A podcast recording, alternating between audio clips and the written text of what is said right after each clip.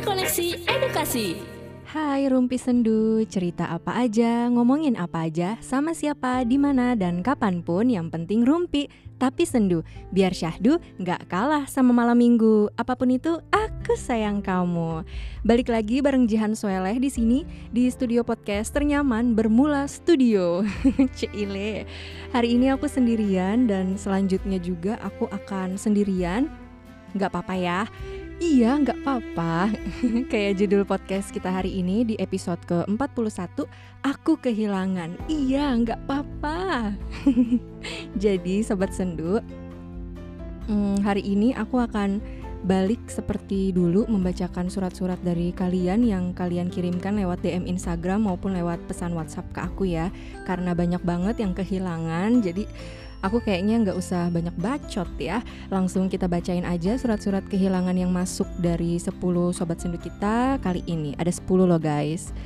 Kalau dijadiin artikel ini cocok uh, dikasih judul kayak gini.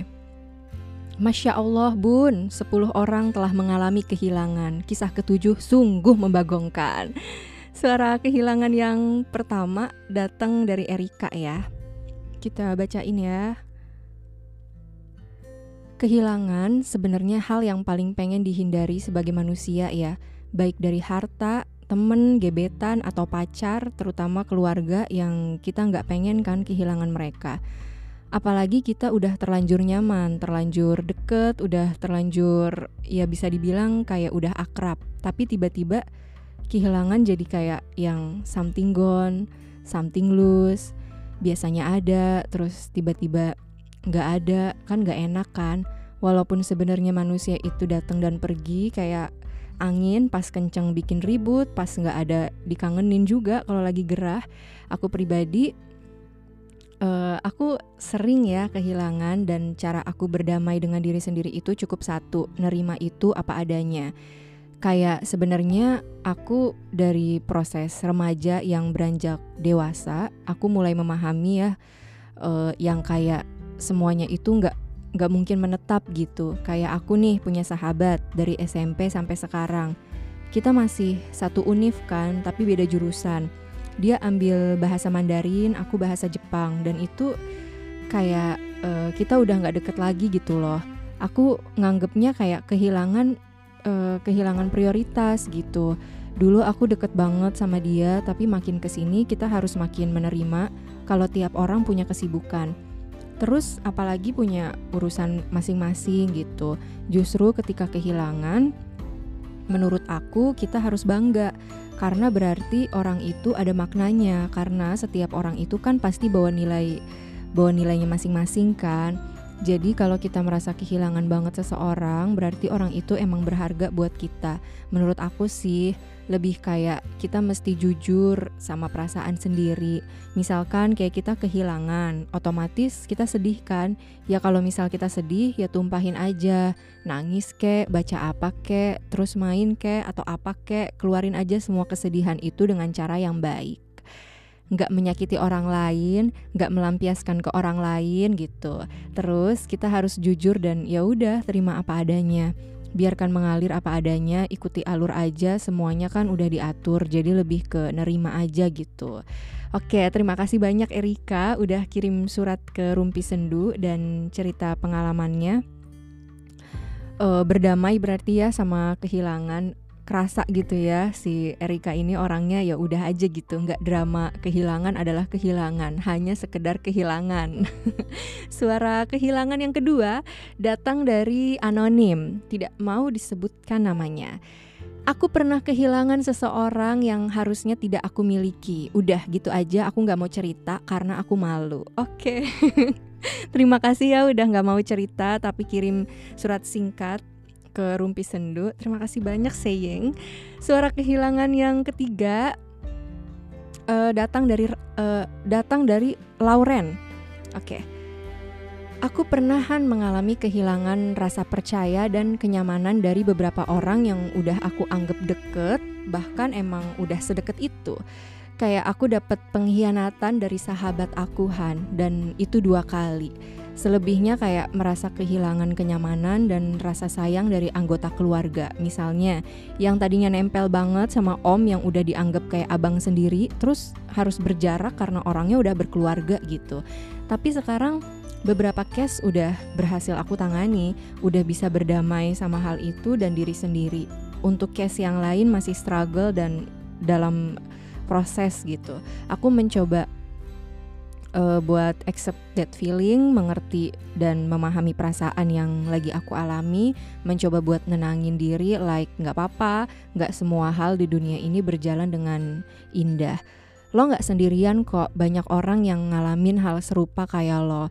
Yuk terima hal itu, kita hadapi yang ada di depan kita dulu. Gak apa-apa sedih atau melo tiap ingat hal itu. Wajar banget dan emang penting banget buat meluapkan emosi kita kalau terlalu lama denial akan lebih lama juga berdamai dengan diri sendiri gitu sih. Itu surat dari Lauren. Uh, aku setuju banget sama Lauren. Kadang emang denial itu menghambat proses kita buat berdamai ya. Terus-terusan melakukan penyangkalan, membantah dan semacamnya gitu.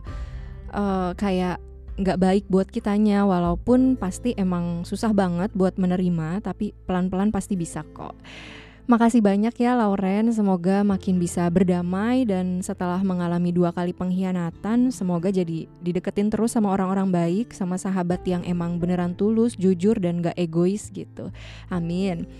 Sedih banget sih karena uh, apa ya kalau dengar atau bacain ya kalau bacain surat dari Lauren ini tuh aku jadi inget surat dari sobat sendu yang di episode dendam. Uh, itu tuh kayak ceritanya mirip-mirip sih gitu. Jadi dia dihianatin sama sahabat, tapi sekaligus pacarnya sendiri. Kayak apa ya? susah banget gitu uh, mendapatkan kejujuran kayak pengen bilang ke orang-orang gitu yang suka berkhianat gitu ya kayak ya udah sih nggak usah neko-neko gitu loh jadi orang kenapa pada demen banget berkhianat sih kan ada jalur adu bacok ada jalur jambak menjambak gitu langsung aja gitu loh nggak usah pakai hianat-hianat kayak gitu kita lanjut aja ya daripada gregetan aku say um, suara kehilangan yang keempat. Suara kehilangan yang keempat ini datang dari Devani.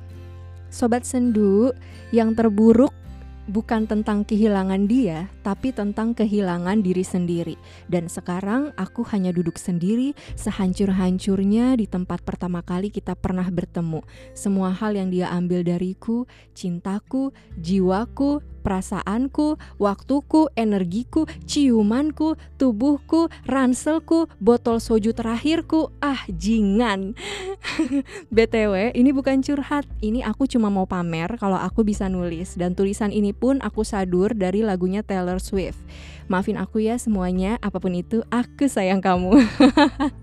Oke, terima kasih Devani Adinda yang cantik, seksi dan menggemaskan. Kalau ada yang mau santet dia silahkan ya. jangan, jangan, jangan. Oke, kita lanjut ya. Makasih lo Devani untuk uh, suratnya sangat menginspirasi. Uh, suara kehilangan yang kelima datang dari Guntur. Oke, kita bacain ya. Aku baru aja kehilangan orang tercinta Ibuku meninggal beberapa waktu yang lalu. Ketika manusia dipanggil Sang Pencipta, di situ kita sadar kalau kita bukan apa-apa. Semua titipan yang sifatnya emang benar-benar sementara, bagusnya kita menjaga titipan itu dengan sebaik-baiknya. Sebelum Sang Pencipta mengundangnya pulang, menurut aku rasa sedih itu wajar. Semuanya pernah ada di posisi kita.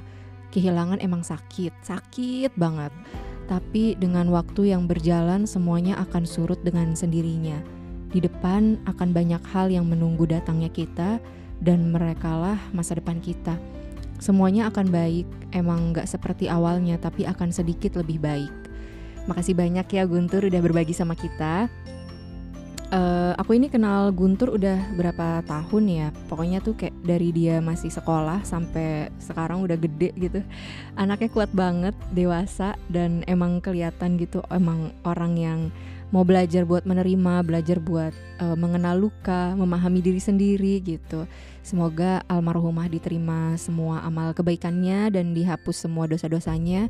Semoga dilapangkan kuburnya dan tenang di sisi Allah. Amin. Tetap jaga kesehatan ya Guntur, sehat-sehat terus buat kita semua, sobat sendu. Makasih banget Guntur. Uh, suara kehilangan yang keenam datang dari anonim ini agak panjang nih. Semoga kalian tidak ngantuk ya, tapi ini ceritanya lumayan seru dan bikin gregetan sih. Kita dengerin ya ini dari anonim. Halo Jihan, iseng-iseng aja sih sebenarnya buat cerita gini. Sebenarnya udah males juga buat bahas ini, cuma mungkin bisa jadi bahan cerita anonim aja ya buat di podcastnya. Gue nggak tahu ini disebut kehilangan apa enggak, karena ini tentang pertemanan ya Ji. Jadi 2016 gue masuk kerja di salah satu perusahaan dan kenal dengan teman-teman baru termasuk orang ini. Singkat cerita, kita cukup akrab, ngobrol nyambung, pun masalah kerjaan. Setelah penempatan kerja, ternyata kita beda cabang kantor.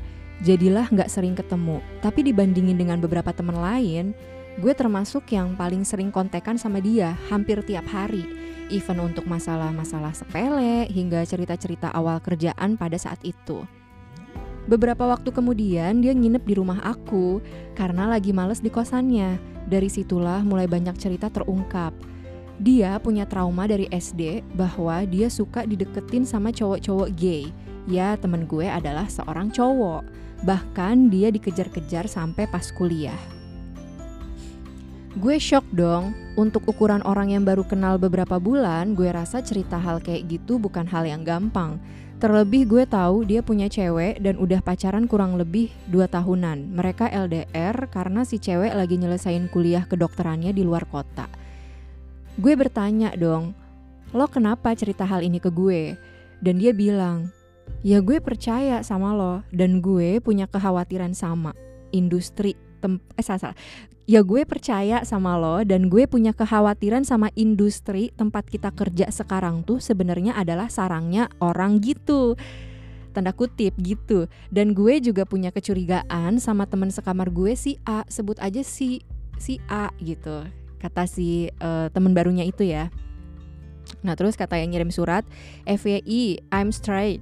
Eh, uh, I'm straight gitu kata dia at least until this time gitu kata dia. Terus jadi nggak enak.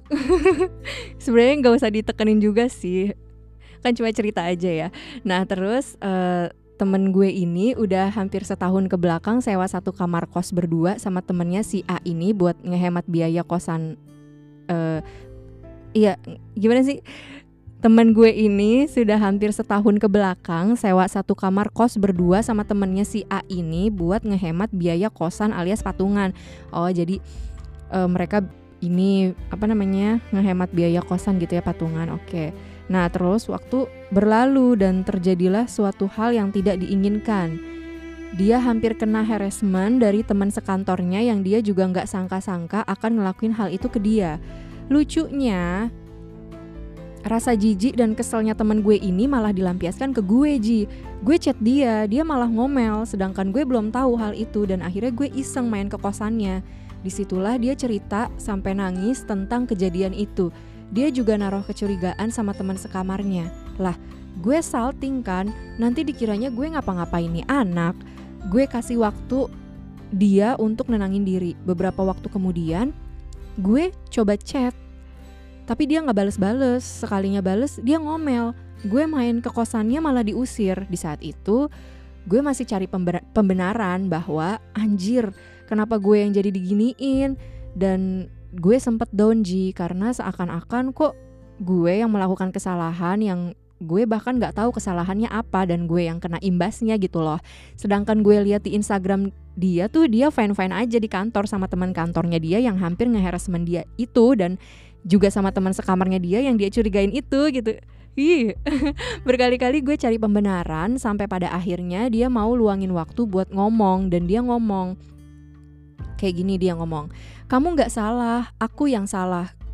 Aku butuh waktu dan jangan pernah gangguin aku lagi. Duar, speechless lah saya di situ. Seakan gue yang pernah ngelakuin hal buruk sama dia. To be honest, itu salah satu perasaan paling gak enak yang pernah gue alamin Ji. Kata-kata kayak gitu seakan kesalahan orang lain tapi dilimpahkan ke gue. Dari situ gue mikir dan ngomong sama diri sendiri Oke, okay, kalau lo ngerasa lo adalah temen dia dan dia minta hal itu sama lo, ya kabulin. Jangan pernah kontak dia lagi atau berhubungan apa pun termasuk kerjaan. Butuh waktu berbulan-bulan buat berdamai sih Ji sama diri sendiri untuk menerima hal kayak gitu. Dan kenapa gue ngerasa kehilangan? Karena gue belum pernah dapet temen yang sefrekuensi itu untuk banyak hal, satu dari sedikit lah. Terakhir gue denger kabar dia udah married so I'm happy for him and his wife. Dia udah nggak sekosan lagi sama si temennya itu. Gue curiga juga sama temennya ini. Dan dia juga udah pindah cabang semenjak nikah jadi dia nggak sekantor lagi sama temen kantor dia yang hampir ngeheresmen dia itu. Terakhir setelah dia ngomong ke gue dia blok WhatsApp gue gue juga blok WhatsAppnya. Gue rest dari Instagram eh, nggak uh, lama kemudian Instagram gue kehack dan gue bikin baru gitu Instagramnya. Setelah bikin baru ya gue blok dia juga gitu di Instagram. Toh kan dia yang minta untuk nggak diganggu lagi kan? Ya gue nggak ngerti deh tapi udah hampir beberapa waktu ini dia kayaknya udah nggak nge WhatsApp gue lagi gitu. Karena pas lagi cek-cek kontak WA kontaknya dia tuh udah apa udah udah ada fotonya lagi gitu. But I don't care gue udah nggak peduli. Intinya tentang kehilangan itu adalah tentang berdamai dengan diri sendiri.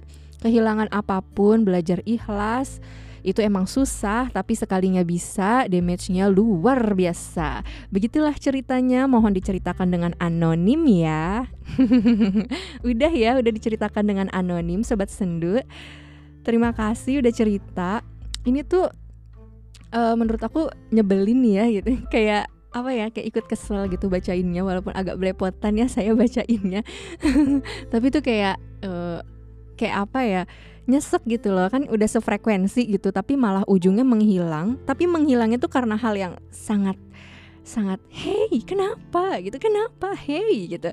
Yang bisa loh ini buat dikomunikasikan gitu kayak kayak kayak kayak kayak kayak, kayak lo tuh udah curhat sama gue gitu kita tuh udah sefrekuensi udah asik banget gitu lo curhat sama gue terus kayak tiba-tiba lo ada masalah yang gue tahu gitu yang lo ceritain gitu masalahnya ke gue tapi lo malah malah ngejauhin gue gitu kayak eh kenapa gitu? Apa apa malu? Apa kenapa gitu? Kan ada ya uh, orang-orang yang malu gitu udah curhat gitu ada masalah tapi ternyata malah kita yang dijauhin gitu karena dia ngerasa nggak enak gitu. Ya tiap orang kan beda-beda gitu ya tapi ya tetap kesel. Dan saya ikut kesel dong. Semoga kamu yang udah cerita dan kita semua yang udah dengerin cerita kamu dijauhkan dari pertemanan toksik ya dan dijauhkan dari orang-orang yang nggak jelas gitu ya kan say amin. Makasih banget lo udah cerita ya. Lanjut surat kehilangan yang ketujuh datang dari Nisa. Nisa ini cukup sering menulis surat buat sobat sendu. Makasih loh Nisa, udah rajin bikin surat. Banyak kisahnya loh ini anak hidupnya ya. Kita bacain ya. Hello sobat rumpi sendu eh salah dia nulisnya bukan sendu dong. Hello sobat rumpi sendi gitu. Eh sendu ya ya. Ngeledek say. Sebelumnya salam kenal aku Nisa. Si makhluk bumi yang sampai sekarang masih sering dianggap insan super oleh orang-orang. Uh super sekali mereka hanyalah berlebihan saja. Mereka tidak mengetahui seberapa lemahnya aku, rapuhnya aku, dan seberapa terpuruknya aku. Dulu tahun 2018, uh, eh, hidupku masih baik-baik aja. Aku punya pekerjaan tetap, aku kuliah, dan aku banyak tersenyum. Sampai akhirnya aku menemukan jalan terjal dalam lintasan hidup aku. Aku berhenti bekerja, aku putus kuliah, aku hancur, aku terluka sendirian. Saat itu aku menyadari bahwa patah hati terbesar yang pernah aku alami adalah sakitnya patah hati karena kehilangan mimpi. Saat aku hanya menjadi penonton ketika satu persatu impianku dihancurkan keadaan, saat itu aku hanya mampu terdiam, tersenyum getir, menangis sembari mencuci pakaian, makan sembari menangis, nonton komedi pun menangis, tertawa padahal air mata mengalir deras. Ada salah satu temanku saat itu bertanya, "Kamu kenapa kok nangis sambil ketawa?" Aku justru semakin terbahak-bahak, menertawakan diri sendiri, menyakiti hati dengan cara paling keji. Menerima luka dengan cara paling durjana, menghukum logika, memarahi hati yang saat itu memilih berhenti. Sejak saat itu, tahun-tahun berikutnya aku jalani tanpa tujuan. Aku marah pada diri sendiri dan tidak bisa memaafkan kegagalan pada saat itu. Sungguh, memaafkan kesalahan orang lain terasa lebih maaf. Sungguh, memaafkan kesalahan orang lain terasa lebih mudah daripada memaafkan diri sendiri. Seolah-olah menjadi hakim paling kejam yang memberikan hukuman tanpa pertimbangan. Seolah semua kesalahan dibebankan pada diri sendiri tanpa memberi ruang untuk pembelaan. Seolah-olah aku adalah orang yang layak disiksa oleh rasa bersalah yang datangnya dari dalam diri sendiri. Kehilangan impian bagiku adalah pukulan menyakitkan. Aku terpuruk dalam jangka waktu yang cukup lama. Saat mendengar musik sedih di malam hari, aku menangis. Saat mendengar kata-kata sendu dari motivator, aku menangis. Saat mendengar instrumental penenang sebelum tidur, aku menangis. Lalu, aku akan kelelahan, kemudian mencuci muka sembari tetap terseduh-seduh di kamar mandi. Setelah itu, bergegas menuju cermin, berkaca, memaksa bibir membentuk senyuman lebar. Tidak apa-apa, bukan salahmu. Kamu kuat, kamu mampu, kamu tangguh, kamu bisa, kamu jauh lebih hebat dari yang kamu bayangkan. Itu adalah kalimat serupa mantra yang selalu aku ucapkan pada diri sendiri sebagai penenang. Hanya aku yang mengucapkan mantra itu, bukan siapa pun, bukan orang tuaku, bukan saudaraku, bukan kerabatku, bukan kakakku, bukan adikku, bukan temanku, bukan sahabatku, hanya aku sendiri. Hingga beberapa minggu belakangan ini, aku menemukan pencerahan. Aku menerima kesalahan di masa lalu. Aku memaafkan kekalahan di masa lalu. Aku mencintai diriku sendiri sehingga aku meyakini bahwa untuk bahagia dan keluar dari zona menyakitkan ini, aku harus menciptakan impian baru. Aku mulai berani kembali bermimpi dan bersiap mengejar impian itu. Aku tidak peduli akan jadi apa diriku di masa depan, tetapi hidup tanpa impian bukanlah hal yang aku inginkan. Maka aku tidak peduli seterjal apa jalan yang harus aku lalui, aku tidak takut. Aku hanya takut bila aku harus hidup tanpa cita-cita.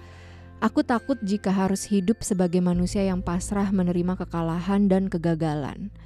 Jadi, tolong jangan anggap aku manusia super yang bisa dibanggakan, sebab aku bukan siapa-siapa. Aku masih harus berjuang untuk kebahagiaan hati dan hidup aku. Tolong bantu aku untuk bangkit dan tersenyum lagi seperti sebelumnya. Bantu aku dengan doa. Terima kasih, aku tidak akan menyerah. Wow. Makasih ya Nisa udah cerita sama kita dan udah kuat, udah uh, menerima dan mencoba buat tetap berjalan dengan keadaan yang kamu alami. Gak mudah emang kehilangan mimpi, apalagi mimpi yang selama ini udah dijaga, udah diusahakan gitu ya sama kayak jodoh uh, kalau mimpi itu emang diberikan ke kamu pasti akan kembali lagi ke kamu bahkan bisa jadi jauh lebih baik gitu ketika kamu mau menata hidup kamu lagi gitu untuk meraih mimpi kamu gitu daripada sebelum-sebelumnya gitu. Nisa menurut aku hebat sih gitu. Jadi kayak nggak usah apa nggak usah menolak perkataan orang-orang yang bilang kamu hebat atau kuat gitu atau manusia super gitu. Nggak usah uh, repot-repot menolak gitu. Terima aja kayak kesedihan hal-hal yang baik gitu seperti pujian dari orang gitu sanjungan dari orang ya udah diterima aja gitu. Nggak usah kita repot-repot mm, menolak atau menyangkal gitu. Kamu hebat kok Nisa. Um, tetap semangat Semoga dimudahkan segala urusannya ya dan apa yang kamu butuhkan bisa kamu dapatkan. Buat Nisa dan buat semua sobat sendu yang lagi dengerin podcast ini, itu ya doanya ya. Ayo kita aminkan. Amin. Suara kehilangan yang kedelapan datang dari Hania. Han Han, gue mau cerita. Jadi gue pernah kejambret HP baru gue beli satu bulan dan gue masih trauma lewat jalanan itu. Wow. sebenarnya masih males nyeritainnya Han masih ikhlas nggak ikhlas sampai sekarang gitu karena keingetan gitu loh gue sampai bawa bekal tiap hari ke kantor biar nggak jajan demi hemat buat nabung beli HP baru itu. Soalnya HP gue udah lama banget waktu itu mereknya Oppo dari gue kuliah semester 4 sampai gue kerja awal-awal. Terus pas gue udah beli cash harganya 6 juta baru pakai sebulan malah dijambret gitu kan anjing gitu kata dia kayak gimana kayak gimana? Terus udah beli cash harganya 6 juta baru pakai sebulan malah dijambret kan anjing gitu. Gue kejar itu yang ngejambret sampai gue ngebut. Helm gue sampai naik-naik ke atas hampir mau lepas tau gak sih? Itu tali helm kayaknya kayak gue saking ngebut dan anginnya yang kenceng banget loh Han kejadiannya malam-malam di lampu merah Halim. Gue kejar sampai pancoran tapi mereka lolos. Uh jauh juga tuh lumayan. Tapi ada yang nyamperin gue emas-emas buat bantu uh, lapor ke kantor polisi tapi yang nggak ketolong HP gue nya gue ampe nggak mikir kalau gue kalau gue nggak jatuh pas di jambret aja itu sesuatu suatu anugerah gitu. Lah ini gue pakai segala ngejar coba. Terus mereka nggak punya plat nomor dong jadi gue nggak nggak bisa lacak motor mereka gitu bajingan emang. Gitu kata dia saya sepertinya merasakan kekesalan kamu ya Hania. Bajingan emang. Tapi gue mikir dari kejadian itu mungkin saat itu dosa gue banyak banget ya Han. Makanya dikasih pelajaran sama Allah. Dosa banyak dan gue kurang sedekah. Tapi tetap masih kesel gitu loh gue. Maafin ya Allah udah segitu aja Han gue ceritanya. Oke, makasih banget ya Hania sang sang pejuang gitu. Gila sih, uh, keren banget loh ini kalau menurut gue ya Han ya, Jihan berkata kepada Hania menurut gue loh Han lo tuh keren banget gitu. Karena kalau gue yang kejambretan mungkin gue cuma bisa pasrah gitu terus bilang gitu sama Allah ya Allah kenapa engkau memberikan cobaan seperti ini? Aku miskin ya Allah aku miskin gitu. Terus gue nggak nggak ngapa-ngapain lagi gitu. Kayak tidur aja gitu kan meratapi nasib. Gue nggak bakal kepikiran buat ngejar kayak lo gitu. Jadi menurut gue lo keren banget Han keren banget gitu. BTW uh, Hania ini punya lagu loh guys judulnya Disonansi. Lagunya enak banget apalagi yang nulis liriknya itu aku ya tetep. Kalian bisa denger lagunya di Spotify dan sejenisnya itu terus bisa lihat video klipnya di YouTube-nya Hania Risani judulnya Disonansi. Ayo kita dukung Hania jadi orang kaya. Semoga rezekinya ngalir terus ya say dan dijauhkan dari segala bentuk pencurian. Duh ya Allah. Ini kehilangan yang amat uh, amat semu sekaligus nyata sih gitu ya. Karena bentuknya barang yang udah kita tabung-tabung gitu malah dijambret itu tuh kayak kayak kehilangan yang Allah gitu. Allahu Akbar gitu. Betapa perihnya gitu kan. Yuk semangat yuk yuk. Suara kehilangan yang kesembilan. Ini yang nulis apa yang ngirim surat nih uh, ada ritmenya ya dari yang dari yang menggebu-gebu gitu penuh penuh semangat dan kekesalan gitu. Terus down lagi gitu terus abis itu naik lagi terus abis itu sedih lagi gitu. Jadi kayak naik turun naik turun nih episode ini. Kita baca ini ya. Ton suaranya udah udah berat nih berarti kita kembali ke surat yang sedih. Oke surat suara salah. Suara kehilangan yang kesembilan datang dari Yunani uh, Yunani itu pernah uh, ngepodcast bareng aku di episode ini. Uh, kalau kalau suka eh kalau cinta ungkapin aja say gitu tuh kalau nggak salah tuh judulnya cerita tentang Yunani dan pengalamannya menyatakan cinta kepada kakak kelasnya. Oke kita lang lanjut aja uh, bacain suratnya Yunani. Halo teman-teman Rumpi Sendu, aku Yunani, salah satu pendengar podcast Rumpi Sendu. Kebetulan Rumpi Sendu sedang ingin membacakan surat cinta dari pendengarnya yang bertema kehilangan. Jadi aku tulis surat ini. Surat ini buat Bapak. Ngomongin soal kehilangan, aku sudah melalui banyak sekali kehilangan dalam hidupku. Mulai dari teman, buku kesukaan, sampai kucing peliharaan. Rasanya sedih, namun ada yang paling sedih dan menyakitkan, yaitu saat aku kehilangan bapak karena sakit bulan Februari kemarin. Sudah lebih dari tiga bulan bapak pergi meninggalkan aku dan ibu aku, tapi aku masih sering rindu pada beliau. Waktu itu Bapak didiagnosa positif COVID. Kami terkejut, tapi tidak putus asa. Kami semua bersama-sama meyakinkan Bapak kalau Bapak pasti bisa melalui ini dan sehat kembali. Awalnya Bapak ada di ruang isolasi biasa bersama sekitar tiga orang lainnya yang juga positif COVID. Karena sakit COVID, kami tidak diperbolehkan menjenguk Bapak, jadi kami sering video call. Dan Bapak juga sering mengirimkan kami foto selfie-nya. Katanya Bapak baik-baik aja dan kami tidak perlu khawatir. Namun, keadaan beliau semakin memburuk dan harus dipindahkan ke ruang ICU. Sayang sekali, kami tidak bisa berkomunikasi sama sekali karena di ruang ICU tidak diperkenankan membawa alat elektronik. Hari demi hari berlalu, sekeluarga masih berharap besar pada kesembuhan Bapak. Kami senantiasa berdoa dan tak lupa mengirimkan makanan kesukaan Bapak. Alhamdulillahnya, Bapak masih dalam keadaan sadar, jadi bisa minta suster untuk menyampaikan ke kami apa pinta Bapak. Hingga kemudian kami merasa semakin jauh dengan Bapak. Kami, kami rindu bersua. Kami sangat ingin berbincang dengannya. Akhirnya dengan inisiatif ibu, beliau mengirimkan buku dan ballpoint melalui suster.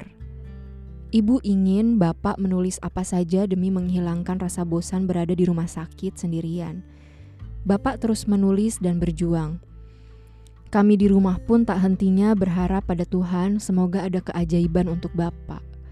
Tanggal 13 bulan Maret, kami diberi kabar bahwa Bapak harus dipasang ventilator karena keadaan paru-parunya semakin buruk. Bapak tidak pernah merokok dan sangat patuh protokol kesehatan. Namun dokter mengejutkan kami dengan menyampaikan bahwa paru-parunya sudah rusak 85%. Ibu menangis, namun aku tidak. Aku harus bisa menguatkan ibu. Aku adalah anak satu-satunya dan aku tidak boleh terlihat lemah. Kasihan ibu jika harus melihat aku menangiskan.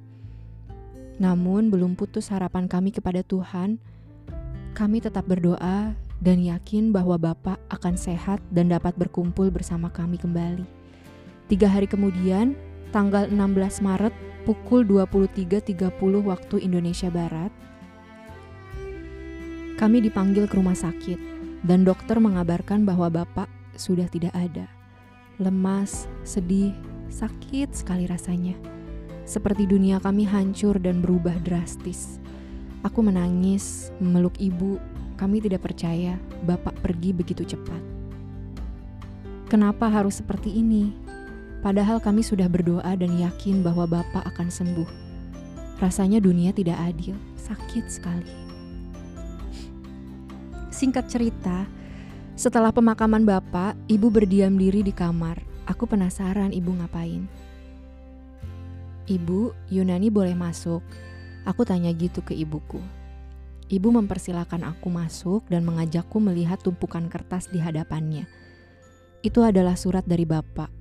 Surat-surat yang ditulis saat Bapak dirawat di rumah sakit. Bapak mau makan jeruk, tapi kok mulut Bapak pahit ya? Pengen pulang, makan ayam buatan Yunani. Semoga Bapak sembuh ya, bisa ke rumah secepatnya. Itu kata Bapak di suratnya. Bapak, Yunani mau banget masak ayam kesukaan buat Bapak. Yunani pengen Bapak lihat Yunani sukses. Yunani pengen Bapak pulang. Terus, Bapak nulis, nulis surat buat Ibu. Mah, aku kangen Mama. Rasanya aku mau putus asa. Pengen video call tapi nggak bisa. Aku nggak betah sendirian di sini, mah. Betapa sakitnya aku setiap mengingat begitu lamanya Bapak dirawat di rumah sakit sendirian, tanpa orang yang disayang di saat terakhirnya. Bapak pasti ingin bersama kami, Bapak pasti ingin pulang. Namun Tuhan lebih sayang Bapak. Ia ingin Bapak tidak lagi merasakan sakit. Pak, Bapak orang yang baik. Aku percaya itu. Semoga Bapak tenang ya, gak sakit lagi. Semoga aku bisa bahagiain Bapak di sana. Maafin Yunani, karena belum bisa bahagiain Bapak. Maaf, Yunani nggak ada di sisi Bapak saat Bapak sakit. Kami sayang Bapak, sayang banget. Ya Allah, berat banget aku bacanya. Makasih banget ya Yunani udah cerita. Uh, aku nggak tahu juga ya gitu mau ngomong apa gitu. Cuma bisa berdoa aja yang terbaik buat Yunani dan keluarga selalu sehat, dikuatkan dengan segala macam kondisi dan dipermudah segala urusannya gitu. Karena menurut aku ini kan terbilang masih baru ya, sama kayak Guntur gitu. Baru kehilangan uh, almarhumah ibunya itu uh, minggu kemarin, dua minggu kemarin gitu. Beberapa waktu lalu. Nah, Yunani juga ini kan masih terbilang masih terbilang baru juga gitu kan. Tapi uh, maksudnya kayak tegar banget gitu Yunani bisa sampai nulis surat gitu berbagi sama kita tentang kehilangannya gitu dengan secara detail gitu pasti kan gak mudah gitu ketika nulis surat ini gitu dan kita aja tuh aku ya aku aja gitu bacainnya tuh kayak berkaca-kaca. Nih sebenarnya aku kan udah udah bacain surat surat suratnya ya yang masuk gitu kan. Terus baru aku bacain lagi di sini gitu. Dan yang pertama kali aku baca itu tuh bacain surat-suratnya tuh kayak sedih gitu kan terutama yang Guntur sama Yunani ini gitu. Apalagi Yunani yang secara detail gitu kan menceritakan. Dan tetap masih kerasa gitu kehilangannya gitu masih kerasa sedihnya gitu. Dan um, hebat banget gitu Yunani bapak sama ibu gitu. Semoga bisa dipertemukan uh, kelak gitu ya di surga gitu bersama-sama. Amin. Um, semoga amal semua amal ibadah dan segala kebaikan almarhum bisa diterima Allah dan kesalahannya dimaafkan dosa-dosanya dihapuskan Sobat Sendu semuanya tetap sehat ya Semoga kita termasuk orang-orang yang bisa berdamai dengan segala macam bentuk kehilangan gitu Kehilangan apa pun Betapapun sakitnya, pedihnya gitu Kita semoga uh, termasuk orang-orang yang bisa tetap berdamai gitu dengan segala macam kehilangan. Oke, okay. uh, eh, makasih banget ya Yunani. Suara kehilangan yang terakhir ya, yang ke-10 datang dari Riani. Aku pernah kehilangan Jihan, alhamdulillah udah bisa berdamai. Tipsnya pernah aku obrolin kan ya sama Jihan di podcast Rumpi Sendu. Iya, makasih ya Karyani. Jadi Karyani ini waktu itu pernah cerita soal kehilangan dan gimana caranya bangkit dari keterpurukan. Uh, waktu itu ada di episode aku yang jelek dan ditinggal di episode itu Karyani cerita tentang mantannya yang mereka tuh udah rencana pengen nikah, udah ditungguin gitu sesuai permintaan sang mantan gitu ya. Kamu tungguin aku ya gitu. Kita serius gitu. Kamu tungguin aku gitu ya. Udah ditungguin. Tapi ternyata malah diputusin pas dimintain kejelasan tentang keseriusannya eh sorry pas udah apa pas udah ditungguin gitu ternyata malah diputusin pas uh, Karyani ini minta kejelasan tentang keseri keseriusannya si sang mantan itu um, kalau misalkan sobat sendu penasaran sobat sendu bisa dengerin ulang di episode itu ya. Kayaknya harus dengerin deh soalnya tuh kayak kayak bagus gitu loh. Boleh dengerin loh sobat sendu gitu. Cerita dan proses Karyani berdamai dengan kehilangan gitu. Patah hati terus uh, berdamai dengan kesedihan yang muncul dari efek rendah diri gitu kan setelah putus cinta itu kan sangat pasti sangat uh, berkecamuk gitu ya di dalam dada gitu sangat membingungkan, membagongkan gitu. Jadi kalau misalkan kalian yang emang lagi ngerasa rendah diri atau lagi ngerasa kehilangan gitu, pengen pengen denger dong e, cerita yang bener-bener real gitu di podcastnya gitu, bukan cuma sekedar surat gitu. Kalian bisa dengerin podcast e, yang episode aku yang jelek dan ditinggal gitu bersama Karyani, karena di situ Karyani curhat gitu tentang pengalamannya itu secara real gitu, secara jelas, secara nyata terpampang terpampang dengan nyata. Apa sih? Siapa tahu butuh kan? Jangan lupa loh ya dengerin jangan lupa. Dan siapa tahu juga bisa jadi lebih ngerasa kalau kita tuh nggak sendirian gitu. Semua pernah mengalami hal-hal yang buruk kayak yang dijelasin sama 10 sobat sendu kita malam ini yang uh, ngirim surat ke Rumpi Sendu. Mereka bisa berdamai gitu uh, mereka bilang kalau misalkan semua orang pasti pernah mengalami hal yang sama dengan kita gitu. Surat-surat yang sangat menyuarakan kehilangan tapi nggak apa-apa gitu. 10 sobat sendu kita itu tuh kayak mewakili banget gitu loh. Surat-surat yang menyuarakan kehilangan tapi nggak apa-apa. Jadi aku kehilangan ya udah nggak apa-apa say gitu kan. Hebat-hebat ih sobat sendu, makin sayang deh aku. Oke, sampai uh, sampai di sini dulu ya. Malam minggu selanjutnya masih tentang kehilangan tapi uh, beda tingkatan karena kehilangan diri sendiri gitu temanya tadi tuh udah disentil dikit tuh sama si Devani ya yang yang kirain curhat ternyata cuma mau pamer kalau dia itu bisa nulis gitu. Kata dia kan e, hal yang paling buruk itu bukanlah kehilangan kamu tapi kehilangan diri aku sendiri gitu. Aw. Pasti ceritanya makin dalam ya, Say, karena kehilangannya justru kehilangan diri sendiri gitu. Kita tunggu aja ya besok apakah masih uh, sebanyak ini yang nulis surat tentang kehilangan diri sendiri atau justru kayaknya enggak deh, kayaknya dikit deh. Kayaknya orang-orang gak ada yang kehilangan diri sendiri deh gitu. Kita lihat aja minggu depan. Um, apa ya? Kok jadi lupa? Pokoknya jangan uh, apa kita tetap berdoa sih gitu ya, jangan sampai kita kehilangan diri sendiri. Karena gimana kita mau berdamai kalau kita sendiri aja udah kehilangan diri sendiri ya kan? Masih sedih banget dong. Ya Allah agak sanggup dah. Huh, terasa berat napas ini saudara-saudara.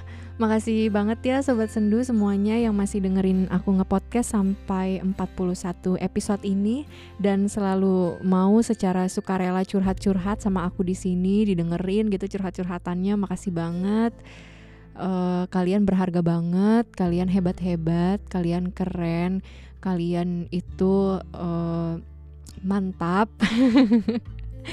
Gak usah sedih terlalu lama-lama ya gitu buat kita semua.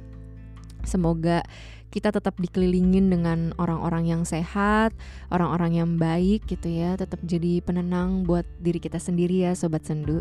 Sampai ketemu lagi di Rumpi Sendu selanjutnya. Rumpi Sendu, cerita apa aja, ngomongin apa aja, sama siapa, di mana dan kapan pun yang penting rumpi. Tapi sendu, biar syahdu nggak kalah sama malam minggu. Apa pun itu, aku sayang kamu. Dadah.